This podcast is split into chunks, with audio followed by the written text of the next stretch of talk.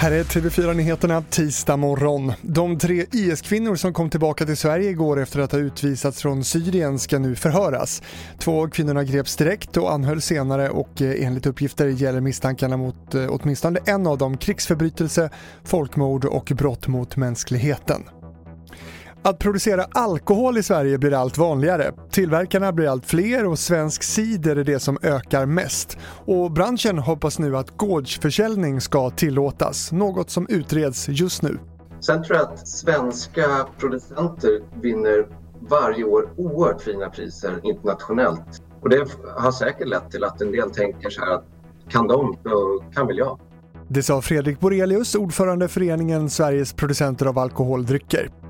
Till sist till Åre där ett bostadsbolag har ansökt om hjälp hos Kronofogden för att köra ut en kvinna som flyttade in i tvättstugan tillsammans med sin sambo. Det här rapporterar Östersundsposten. Enligt bostadsbolaget hade kvinnan självmant sagt upp sin lägenhet men behållit en nyckel till hyresgästernas gemensamma lokaler.